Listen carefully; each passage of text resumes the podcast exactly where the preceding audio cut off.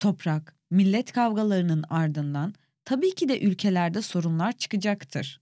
Bu sorunlardan biri de kimlik krizi. Bugün sizlerle İsrail'in kimlik krizi hakkında konuşacağız. Sınır etkisinden sesimizi duyurabildiğimiz herkese merhabalar. Ben Kader. Ayna Beledi Podcast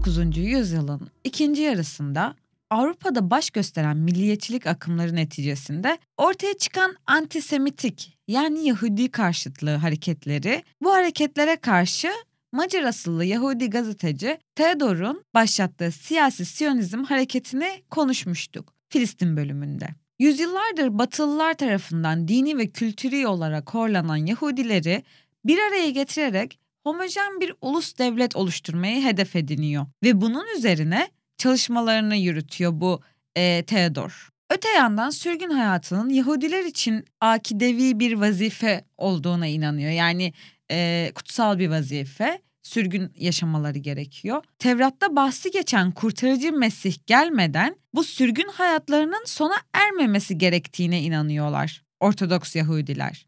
Önceleri dindarlıkla alakası olmayan laik siyanistlere karşı çıkmış olsalar da zamanla eksen değiştirerek kervana katılıyorlar. Siyonistlere göre Yahudilerin tek millet olabilmeleri için göç edebilecekleri bir toprak parçasına ve milli bir kimliğe ihtiyaçları var. Ne var ki bunu da gerçekleştirebilmek için Avrupa devletlerinden kaynaklanan siyasi bir irade gerekiyor. Bu iradede gösterildiği takdirde Hristiyan Avrupa toplumunun yüzyıllardır karşı karşıya kaldığı Yahudi sorunu da çözülmüş olacaktı. Theodor Herzl bu fikri Avrupalı devlet adamlarına şu sözlerle sunuyor. Biz bir devlet, hem de örnek bir devlet kuracak kadar güçlüyüz. Bu amaç için gerekli beşeri ve maddi malzemeye de sahibiz. Bir ülkenin tüm ihtiyaçlarını tatmin edebilecek büyüklükte dünya üzerinde bir yerde bize egemenlik verin, gerisini kendimiz hallederiz.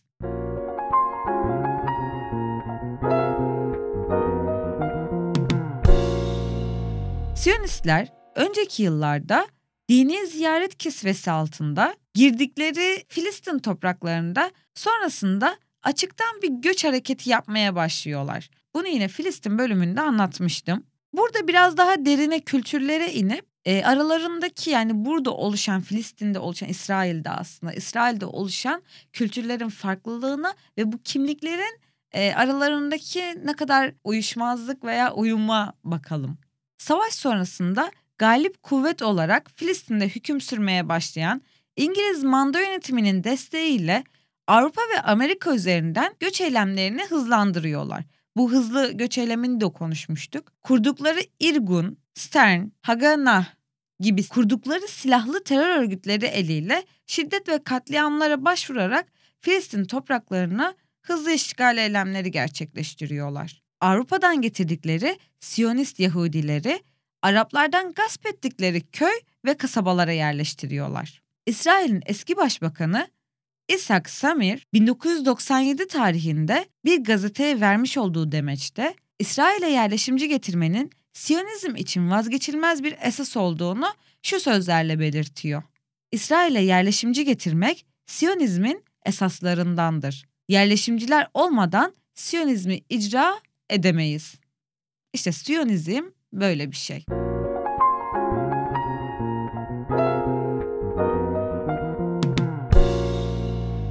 Siyasi Siyonizm hareketi İsrail dışında yaşayan Yahudileri sürgünde kabul eder. Buna da diaspora, galut diyorlar. Bu fikre bianen İsrail parlamentosu 1957'de toplanma tasarısı ya da geri dönüş yasası adında bir kanun çıkarıyorlar. Dünyanın neresinde olursa olsun her bir Yahudinin işgal edilmiş Filistin topraklarına yerleşme ve İsrail vatandaşı olma hakkına sahip olduğunu ilan ediyorlar. Yahudilerin İsrail'e göçünü sağlamak için yardım fonları oluşturuluyor. Bu şekilde 1948-2012 yılları arasında 3 milyondan fazla Yahudi İsrail'e göç ediyor. Ancak göç ettirilen Yahudiler etnik köken, eğitim düzeyi, sosyoekonomik durumları, dini mezheplerine hatta İsrail vatandaşlığı alma tarihine göre hepsine farklı değerler verilen farklı gruplardı. Yani şöyle anlatayım.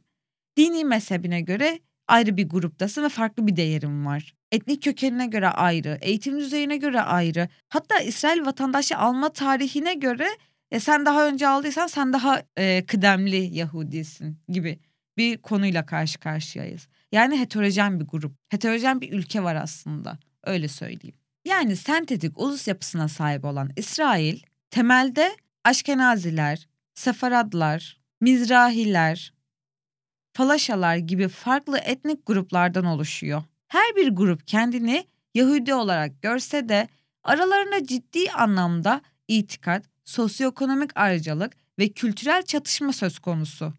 Özellikle de batılı liberal Aşkenazlar ve doğulu dindar Mizrahiler arasında dini ve etnik olarak kim daha Yahudidir? İsrail devletinin meşru sahipleri kimlerdir? Sorgulaması sık sık aralarında yaşanıyor. Hadi gelin biraz İsrail toplumunun etnik kökenlerini tanıyalım.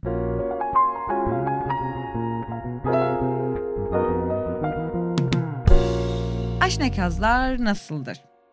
Aşnekaz İbranice Almanya demek. Almanya, Fransa ve Doğu Avrupa'da bulunan Yahudiler yani Siyonist Yahudiler ve onların soyundan gelen bu isimle tanınıyor. Almanca, İbranice, Aramice ve Slav dillerinden harmanlanmış bir dil olan Yidiş dilini konuşuyorlar. Yani ne Almanca ne İbranice ne çok garip.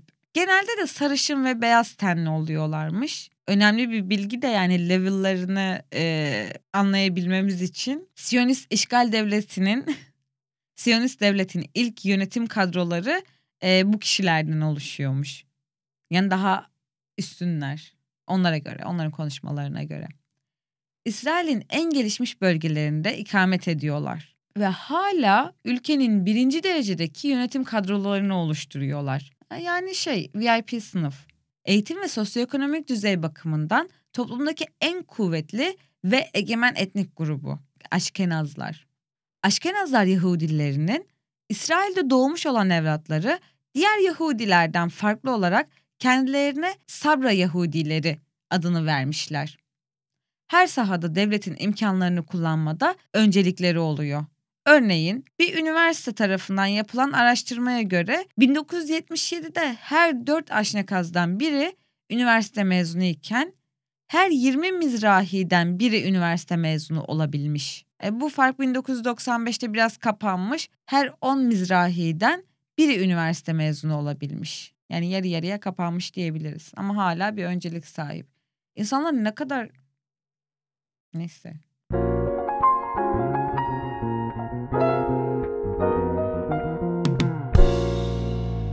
Bir diğer yandan 1990 sonrasında İsrail'e göçen Yahudilerin %30'u Rusya'dan gelenlerdi.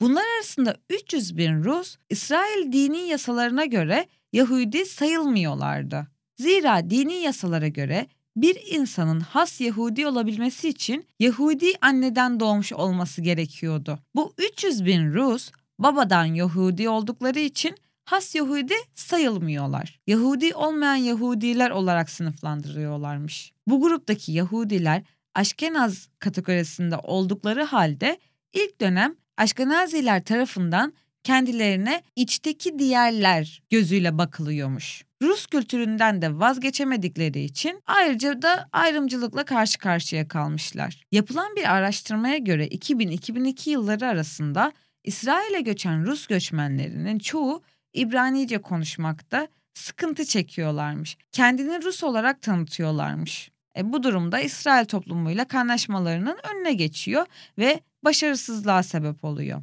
Özellikle 16-23 yaş grupları gençler eğitim hayatında büyük sıkıntılar çekiyor. Hatta bu gençlerin %20'si okulu terk ediyor, sokak serseriliğine karışıyor. İlginç bir bilgi var. Sokağa düşen Rus gençlerin %19'u erkek, %29'u kızdan oluşuyor. Toplum tarafından Yahudiliklerinde sorun görüldüğü için evlenip yuva kurmakta da zorluk çekiyorlar. 93 Rus genci üzerinde yapılan bir çalışmaya göre anneden Yahudi olmayan gençlerin %43'ü kendini Hristiyan olarak tanıtıyor. Endülüs İslam Devleti hükmü altında altın çağını yaşayan İspanyol Yahudileri Kral Ferdinand ve Kraliçe Isabel ittifakıyla İspanya topraklarının Hristiyan hükmü altına girmesi sonucunda ya din değiştirmek zorunda kalmış ya da sürgün edilmişler. Hadi İspanyol Yahudilerine bakalım.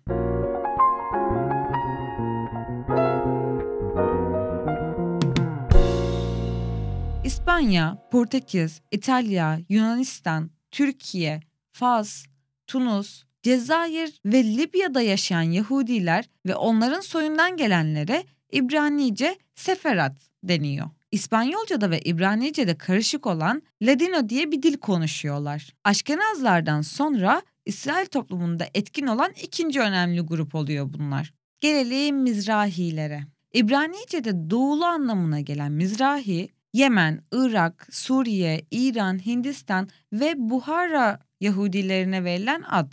Arap ülkelerinden İsrail'e göçen ilk neslin Mizrahiler resmi işlerinde İbranice kullansalar da günlük hayatta Arapça konuşuyorlar. Arapça film izliyorlar. Klasik Arap müziğinin önde gelen şarkıcılarını Ümmü Gülsüm, Ferit Attaş, Abdülvahap gibi şarkıcıları dinliyorlar. Bu durumu 1951 yılında İsrail'e göçen Irak asıllı Yahudi yazar şöyle dile getiriyor. Ben İsrail veya Yahudi kimliğine ait değilim. İsrail'de yaşadığım için İsrailliyim ve İsrailli kimliğim var. Lakin kültürel kök olarak kendimi bir Arap'tan ayrı görmüyorum. Radyoda çalınan şarkılar bizim için bir şey ifade etmiyor. Bir insan farklı bir dil konuşabilir ve farklı kıyafet giyebilir ama aşkı başka bir aşkla değiştiremez. Bu bir kaidedir. Bu müzik yani Arap müziği bizim kanımıza işlemiş. Yazarın da anlattığı gibi. Doğu kökenli Mizrahiler genel olarak böyle düşünüyormuş. Ve zaten İsrail'deki kimlik krizinin de sebebini kısaca yani derinine inerek düşünürsek açıklıyor oluyor. Doğu kökenli esmer tenli oldukları için de Avrupa asıllı beyaz tenli Siyonistler tarafından ikinci sınıf muamelesi görüyorlar. ah bu Orta Doğu'nun çektikleri. Hatta 1950-1960 yılları arasında İsrail eğitim müesseselerinde okutulan resmi Yahudi tarihi ve edebiyatı Avrupa Yahudilerine ait olmuş. Mizrahi Yahudilerinin tarihine ve edebiyatına hiç yer verilmemiş. Yani sözde Yahudilerin birliği, Yahudileri toplayalım, Yahudileri birlikte tutalım deniyor ama baksanıza ne kadar gruba ayrılmış.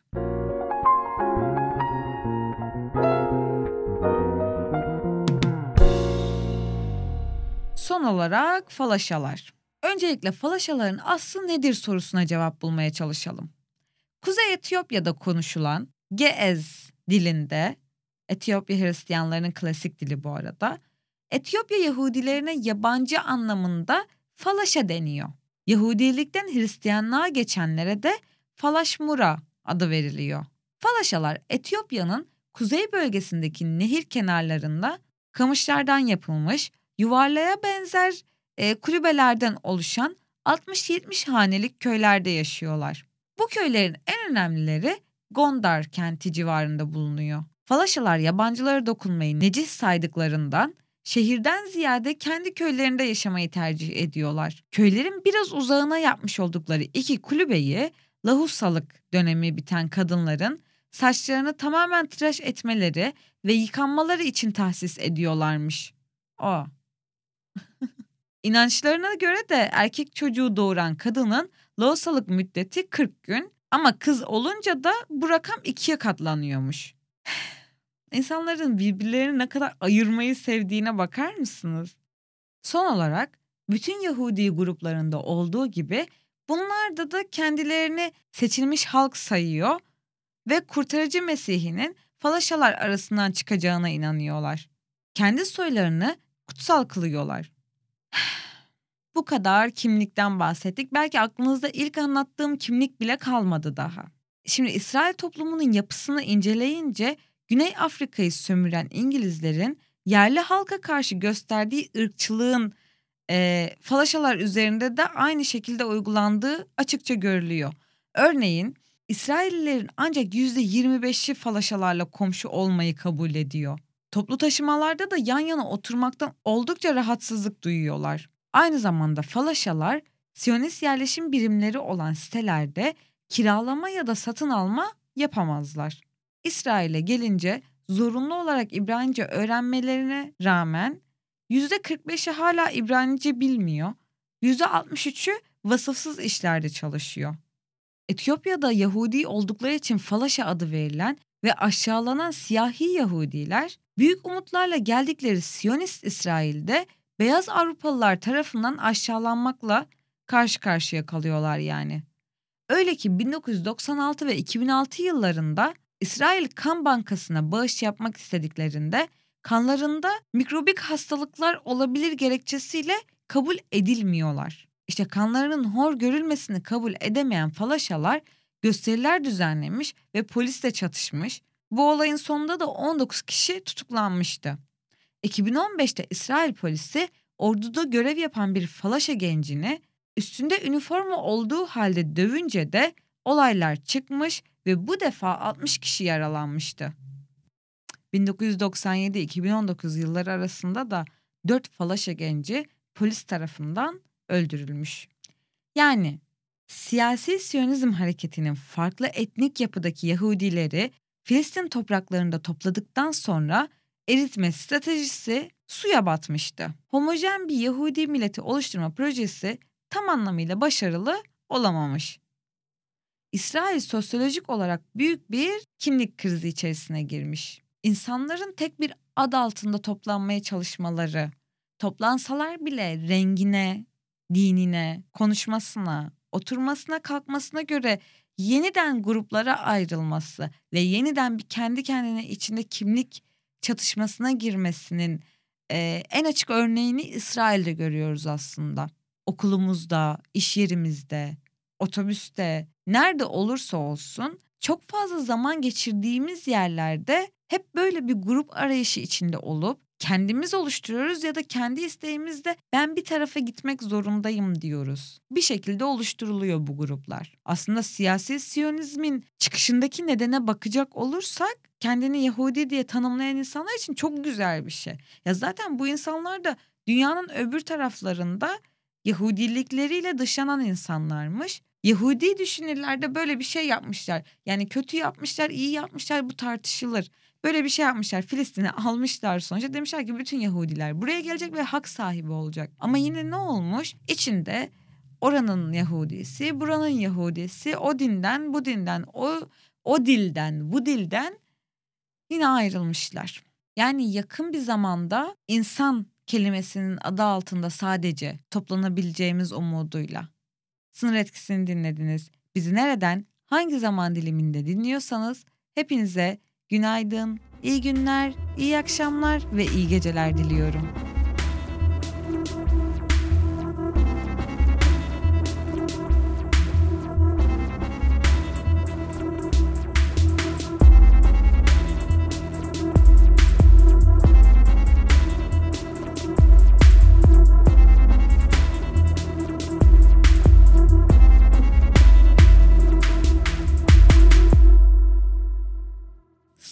Programını Apple Podcast, Google Podcast, Spotify, Stitcher, SoundCloud platformları üzerinden dinleyebilir ve konu hakkındaki görüşlerinizi bize iletebilirsiniz.